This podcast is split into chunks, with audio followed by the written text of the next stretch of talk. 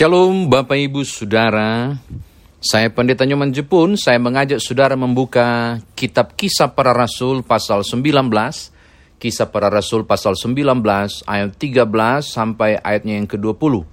Kisah Para Rasul pasal 19 ayat 13 hingga ayat yang ke-20.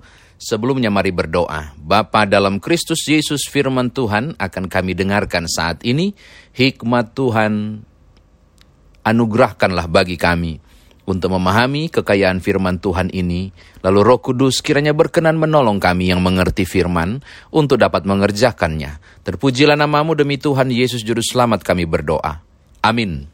Kisah para Rasul pasal 19 kita akan membaca ayat 13 hingga ayat yang ke-20 kisah para rasul 19 ayat 13 hingga ayat yang ke-20 berbunyi demikian.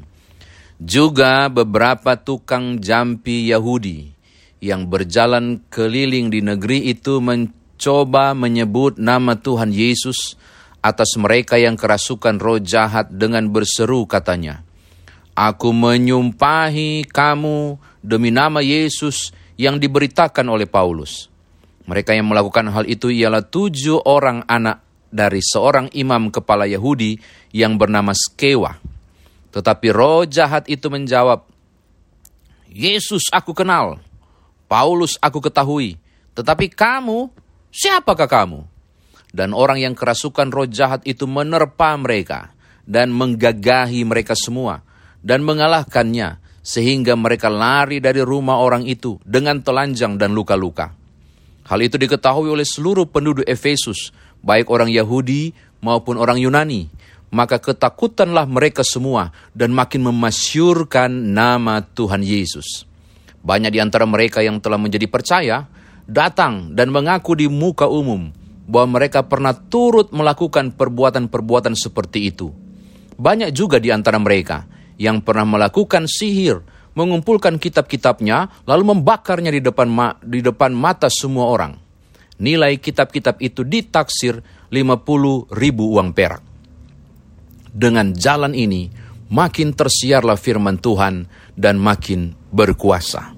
Demikian firman Tuhan, saudara dan saya dikatakan berbahagia jika mendengarkan firman Tuhan ini merenungkannya, istimewa mengerjakan dalam hidup beriman kita. Bapak, Ibu, Saudara, Berapa banyak dari Bapak Ibu yang pernah membaca kisah Rasul pasal 19 ayat 13 sampai 20? Mungkin beberapa di antara saudara baru kali ini baca kisah ini. Barangkali ya, saya tidak tahu. Nah, saya mau berbagi sedikit dengan saudara. Jemaat Efesus ini terbentuk, ulangi ya, jemaat ini, jemaat di Efesus ini salah satu penerima surat Wahyu, pernah baca ya, Wahyu pasal 2 sampai 7. Nah, jemaat Efesus ini jemaat yang dibentuk hasil pekabaran Injil Paulus. Tapi saya mau kasih tahu Bapak Ibu, jemaat kota kota Efesus bukan jemaatnya, kota Efesus itu terkenal dengan dua hal penting. Dalam hal religius, dalam hal uh, dalam hal kerohanian, spiritual. Dua hal terkenal. Mereka penyembah Dewi Artemis. Dan ada kuil yang sangat besar di Efesus dan sangat terkenal di mancanegara. Kuil Artemis itu. Sangat megah. Wah itu dihormati banyak orang. Mereka penyembah dewa-dewi. Orang-orang Efesus ini. Yang kedua, mereka juga terkenal dengan perdukunan. Ilmu perdukunan. Jampi-jampi. Baik dari aliran Yunani maupun juga orang-orang Yahudi. Mereka sama itu melakukan perdukunan, penjampi-jampian itu opo-opo itu. Itu secara spiritual terkenal di situ. Selain dari segi kekayaan, uh Efesus itu luar biasa. Mulai dari pelabuhannya, pertaniannya, transportasi, perdagangan itu sangat luar biasa. Jemaat ini sangat kaya, eh, kota ini sangat kaya. Nah, jadi jemaat, beberapa orang menjadi percaya dan kemudian terhimpun menjadi gereja, itu karena karya Paulus. Nah, kisah ini ada di situ.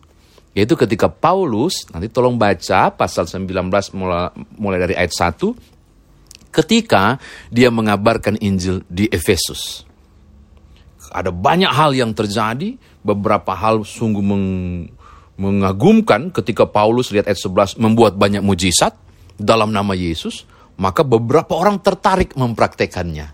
Salah satunya, saudara, adalah anak-anak dari Skewa. Tolong lihat ayat 14. Siapakah Skewa? Dia adalah imam kepala Yahudi di Efesus. Imam kepala Yahudi, imam kepala. Agama Yahudi di Efesus. Namanya Skewa. Dia punya anak, itu tujuh. Ada mereka berupaya untuk mencoba menggunakan nama Yesus. Catatan pertama dulu Bapak Ibu, tolong lihat ya. Anak kepala, imam loh. Imam kepala loh punya anak, mempraktekkan perdukunan. Imam kepala loh punya anak, mempraktekkan jampi-jampi. Oh, jadi betapa bobrok Bapak Ibu kehidupan beragama pada zaman itu. Ini hal yang pertama toh. Yang kedua Bapak Ibu, coba perhatikan yang terjadi. Mereka menggunakan kalimat yang hampir mirip. Mereka bilang begini. Aku menyumpahi kamu demi nama Yesus. Aku menghardik juga bisa. Aku mengutuki juga bisa. Aku menyumpahi kamu demi nama Yesus yang diberitakan oleh Paulus. Wow, untuk orang yang kerasukan setan ini. Yang kerasukan setan jawab begini, Yesus kami kenal. Paulus kami ketahui. Kamu siapa? Ini catatan kedua yang menarik Bapak Ibu pakai nama Yesus sekalipun, menggunakan nama Yesus, dan berharap kuasa Yesus ada dalam diri seseorang, tapi orang itu sendiri tidak percaya pada Yesus, ini dia, tidak percaya pada Yesus, maka sudah dapat dipastikan tidak mungkin kuasa nama Yesus itu bekerja. Sekali lagi saya menegaskan kepada saudara, nama Yesus itu berkuasa Nama Yesus itu ajaib. Nama Yesus itu ditakuti oleh kuasa kegelapan jenis apa pun. Hmm. Tetapi kuasa nama itu hanya kemudian berperan ketika diucapkan oleh orang yang sungguh-sungguh percaya. Bagaimana mungkin menggunakan nama Yesus tapi dia sendiri tidak percaya pada Yesus? Bahkan menggunakan ilmu sihir. Ini tujuh orang anak dari Skewa ini kan begitu. Ini membuktikan sesuatu hal yang penting segala bentuk kuasa jahat tidak tunduk pada seseorang yang tidak percaya, kendati pun menggunakan nama Yesus. Ini hati-hati Bapak Ibu ya. Penting sekali bahwa perkataannya setara, hardikannya itu setara dengan kekuatan imannya. Ini tidak terjadi. Dia nggak percaya sama nama Yesus kok mau pakai kuasa nama Yesus. Ini hal yang kedua yang saya mau katakan. Yang ketiga yang menarik perhatian saya Bapak Ibu, efek dari peristiwa itu. Dikasih malu. Tujuh orang anak-anak sekewain dipermalukan. Alkitab mengatakan digagahi. Sampai mereka lari telanjang dan luka-luka. Betapa dipermalukan. Bukannya pergi itu setan maka balik terbalik. Justru mereka dianiaya oleh kuasa kegelapan. Padahal mereka penenun. Padahal mereka dukun. Tapi habis disikat Bapak Ibu betapa mereka dipermalukan. Nah, selanjutnya tidak kalah penting, tolong lihat reaksinya. Ketika peristiwa itu terjadi, akhirnya, tolong lihat ayat 17, banyak orang langsung percaya. Dan nama Tuhan Yesus makin masyur ayat 17. Peristiwa itu justru mendatangkan sesuatu yang sangat besar. Pertobatan massal terjadi. Oke, catatan berikut Bapak Ibu tolong lihat ayat yang ke-18. Menjadi percaya. Orang-orang yang menjadi percaya itu datang. Bahkan beberapa mereka yang pernah hidup dengan kuasa itu. Yang masa lalunya sebelum percaya pada Yesus Kristus juga hidup dalam pertenunan ilmu dukun dan jampi-jampi. Berani bersaksi di depan umum. Kami dulu seperti itu. Kami bertobat dan seterusnya. Saya mau katakan hal yang sangat penting Masa lalu saudara bukan sesuatu yang pahit dan perlu di, per, perlu menjadi bahan olok-olokan untuk malu disampaikan. Justru masa lalu mereka, mereka yang hidup dalam kegelapan ini, tidak malu berdiri. Kami dulu jahat. Kami dulu ini pengguna kuasa kegelapan. Kami sudah percaya. Jadi kesaksian. Ini hal yang ke, ke, ke berikutnya sangat penting sampaikan kepada saudara. Bahwa jangan jadi halangan masa lalu yang gelap ternyata justru masa lalu yang gelap itu jika disaksikan, jika disaksikan, justru berbalik menjadi keagungan bagi nama Tuhan. Ah, sudahlah, aku tidak mau berdiri kan saya mantan dukun, gak usah lah. Kan saya orang yang hidup dalam kegelapan, saya pendosa yang besar. Walaupun saya sudah bertobat, gak usah lah, malu-maluin lah saya berdiri. Keliru. Justru masa lalu saudara, bisa Tuhan pakai untuk menjadi kesaksian bagi namanya. Dan ini yang terjadi di bacaan kita. Terakhir, saya cuma berbagi catatan di ayat yang ke-19. Itu tentang kitab-kitab, Bapak Ibu buku-buku Jampi itu, itu sampai sekarang masih ada Bapak Ibu dan diabadikan di museum di London, Paris, dan Leiden. Itu biasa disebut dengan gulungan-gulungan Episia Grammata. Kitab-kitab dari Efesus. Itu beberapa ternyata ada di London, Paris, dan Leiden. Itu masih ada. Di museumnya. Oh, aku khawatir ada yang pakai itu barang. Dan tahukah Bapak Ibu? Harga total dari buku-buku itu yang dibakar itu 50 ribu uang perak. Berapa itu 50 ribu uang perak? Satu uang perak itu ada ada empat jenis uang perak. Saya ambil yang utkur, yang nilainya paling tinggi dan nilai paling rendah. Yang paling tinggi itu Athenian Tetradamas. Itu nilainya 315, sekian dolar. 315 sekian dolar. Ada yang satu Ptolemait Tetradramas. Itu 65 dolar.